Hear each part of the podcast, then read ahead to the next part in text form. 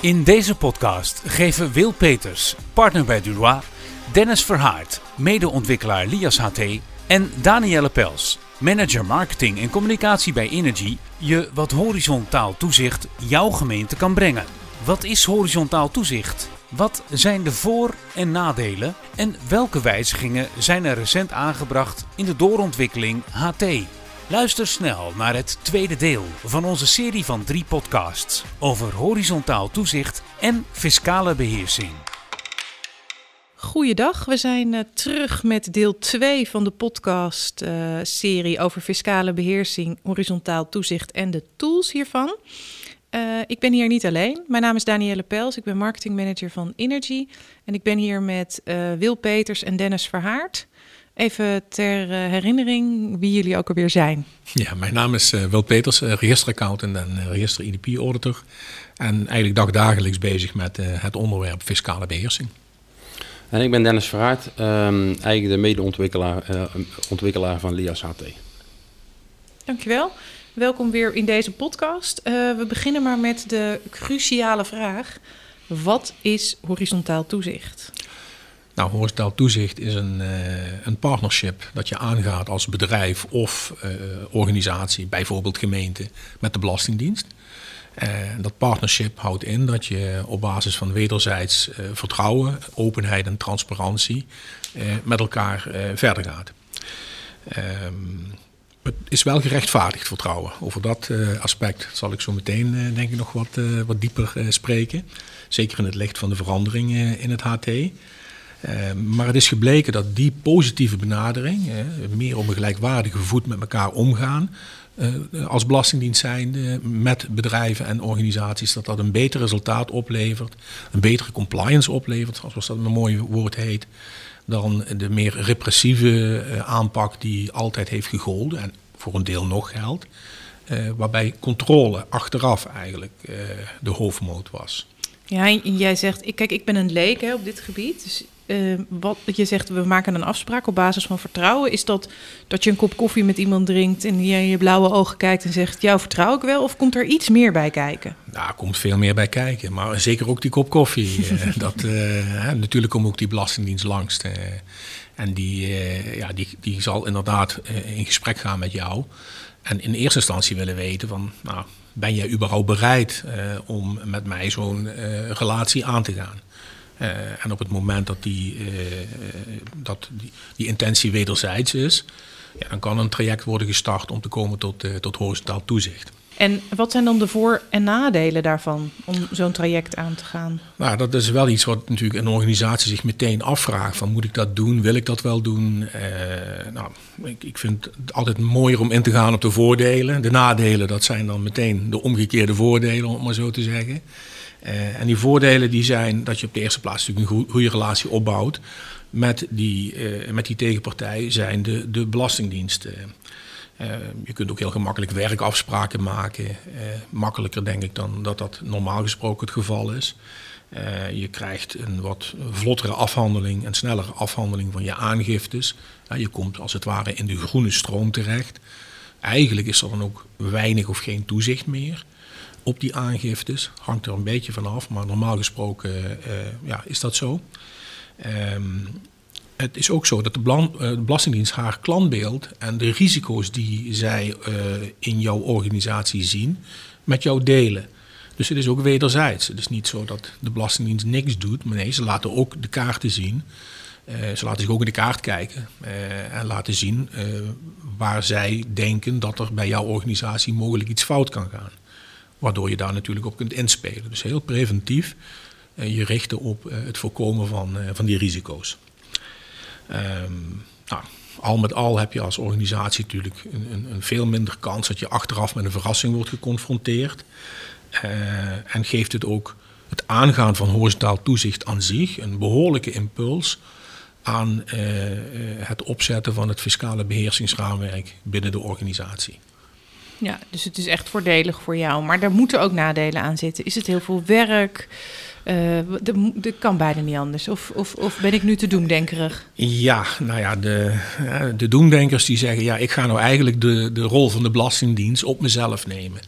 En voor een deel is dat ook zo. Hè? De Belastingdienst laat het toezicht voor een belangrijk deel uh, varen. Maar verwacht wel van jou dat jij dat toezicht dan zelf gaat uitoefenen. Van de andere kant, als je een stapje terugzet, zou je eigenlijk uh, de intentie ook moeten hebben om natuurlijk juist de aangiftes in te dienen. En zeker als een non-profit organisatie, als een gemeente. Heb je te maken met je maatschappelijke omgeving, je burgers. En je wil natuurlijk ook naar buiten toe laten zien dat je aan alle regels voldoet. Dat je netjes aangifte doet. Het is heel vervelend om als gemeente in het nieuws te komen dat er bij jou een grote belastingaanslag terecht is gekomen. ja, het is recent nog gebeurd bij een gemeente. en ja, dat geeft toch wel even wat, wat beroering. En geeft ook geen goed beeld, uh, geen goede indruk naar buiten toe af. Nee, ik denk dat dat wel reputatieschade met zich eh, ja, meebrengt. Ja, ik denk je een behoorlijke imago-schade. Dan ja. Eigenlijk zeg je dan daarmee van ja, ik heb mijn zaken niet op orde. Nee, nee snap ik. En um, eigenlijk neem je met horizontaal toezicht de regie compleet in eigen hand. Ja, ja dat, is een, uh, dat is aan de ene kant natuurlijk een voordeel. Van de andere kant zit er daar natuurlijk ook, er zit ook het nadeel aan dat je die uh, capaciteit en die effort ook moet gaan, gaan plegen. Hm. Want dat is natuurlijk wel wat de Belastingdienst van je vraagt. Je moet er wel wat voor gaan doen. Ja. En ja, ze zullen ook met jou afspraken willen maken over een tijdpad waarbinnen dat gebeurt. Dus het wordt allemaal wat, ja, wat strakker. Het is in ieder geval, ja, er kijkt iemand mee in wat je doet. En dat is misschien voor sommige gemeentes uh, op dit moment een brug te ver. Alhoewel bij de meeste gemeentes dat geen enkel, uh, geen enkel issue is. Snap ik. Nou zijn er, heb ik gehoord, recent wat wijzigingen aangebracht in horizontaal toezicht. De doorontwikkeling horizontaal toezicht. En ja. wat is de strekking daarvan? Wat, wat, wat, wat betekent dat voor mensen? Nou ja, de strekking is dat er uh, in het verleden uh, vooral door de Belastingdienst werd gekoerst op het zoveel mogelijk uh, afsluiten van, van horizontaal toezichtsconvenanten. En dat er niet zozeer werd gekeken van nou zijn die organisaties daar nou ook echt klaar voor. He, men had het idee als ik eenmaal met de klant een HT-overeenkomst sluit, dan komt het wel goed. Nou, dat laatste dat is niet noodzakelijkerwijs het geval. Vaak wel, maar soms ook zeker niet. Uh, nou, in de doorontwikkeling horizontaal toezicht is met name dat punt uh, geadresseerd. Dus wil je op dit moment een HT-convenant aangaan met de Belastingdienst, dan moet je verplicht een self-assessment uitvoeren. Dus dan moet je verplicht een hele uh, serie, uh, nou, noem het maar even, vragen of aspecten in je organisatie gaan beoordelen. En moet je jezelf op gaan toetsen. En dat, de uitkomst daarvan deel je met de Belastingdienst. Mm -hmm. Zodat zij echt een goed beeld krijgen van nou, ze willen het wel, maar kunnen ze het ook? En op het moment dat ze het kunnen, nou, dan zegt de Belastingdienst prima, we gaan met jou, we gaan met jou in zee. En we sluiten een, een HT-convenant. Er zijn dus ook nu hele strakke toelatingscriteria. Dat was voorheen niet het geval. En nu zijn er zes toela toelatingscriteria waar je aan moet voldoen. Kan je die noemen uh, of niet? Of is dat te, gaat dat te ver? Uh, ja, die kan ik benoemen. Uh, dat ziet enerzijds op de bereidheid om transparant te zijn. Dus eigenlijk wil je dan ook zeg maar, die open en transparant, transparante relatie met de Belastingdienst aangaan. Maar je moet ook bereid zijn uh, om een zakelijke werkrelatie uh, met de Belastingdienst uh, mogelijk te maken. vervolgens moet je een gedocumenteerde fiscale strategie hebben. je moet een fiscale risicoanalyse maken. je moet een adequaat werkende monitoring hebben, in place hebben. Mm -hmm. En de laatste die ziet op het beschikbaar stellen van gegevens ten behoeve van de belastingheffing van derden. Okay. Dat is een criterium wat vaak niet zozeer zal spelen, zeker niet binnen de non-profit sector of, uh, of gemeentes. Nee, duidelijk. Dus dat is nog wel heel wat werk aan de winkel voor gemeenten.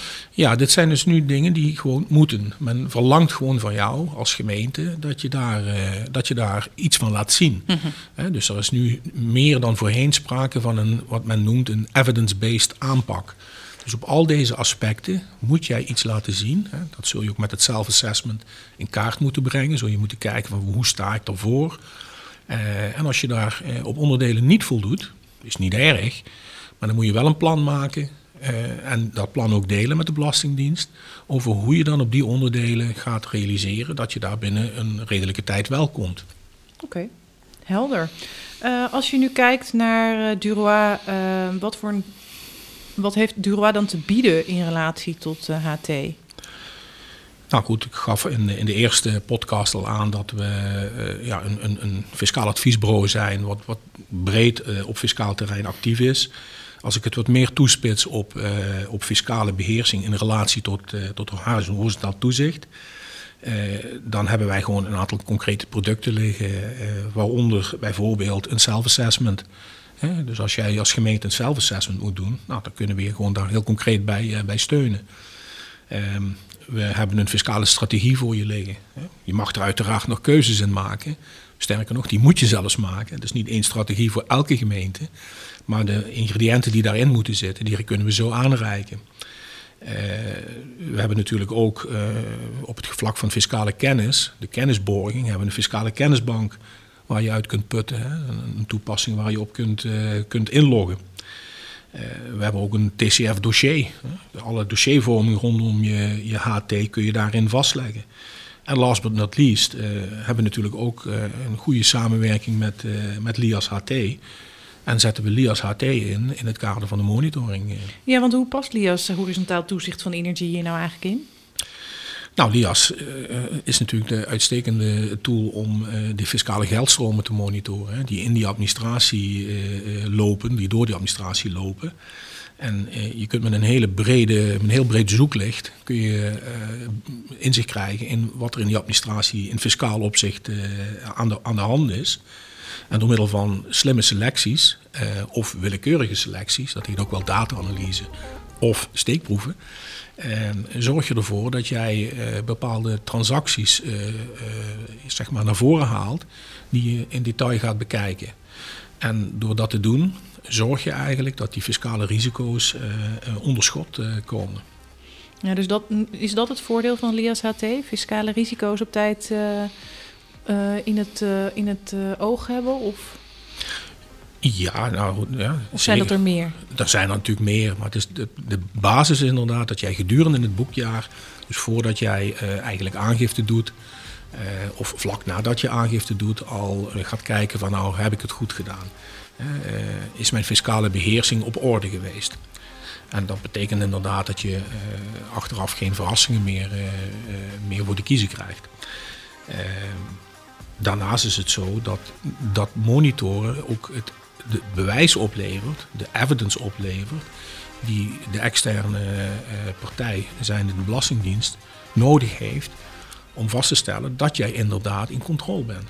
Hè? Dus, zoals ik aangaf, is het niet meer zo dat alleen maar aan de voorkant met jou gesproken wordt over HT, maar dat men ook wil zien achteraf dat je ook uh, uh, er werk van maakt en dat jij feitelijk gewoon uh, kunt tonen dat je geen materiële fouten in je aangifte hebt zitten. Nee. En die monitoring is daar een essentieel onderdeel van. Ja. Nou, ander voordeel van LIAS HT gaf ik al aan, uh, is dat jij uh, fouten snel ontdekt. En dat kan een fout zijn in je nadeel, maar het kan ook natuurlijk een fout zijn in je voordeel. Een kans die je had laten liggen. Nou, die kun je dan ook benutten. volgens mij heel helder en zijn we ingegaan op alles rondom horizontaal toezicht. En dit was de tweede podcast. We gaan eh, door naar de derde podcast uh, later. Die ook weer te horen is. En dan gaan we het hebben over de monitoring oplossingen van LIAS HT. En uh, voor welke middelen je dit bijvoorbeeld kunt inzetten. Dankjewel Wil, dankjewel ja, Dennis. In een latere podcast gaan we in op de monitoring oplossingen van LIAS HT.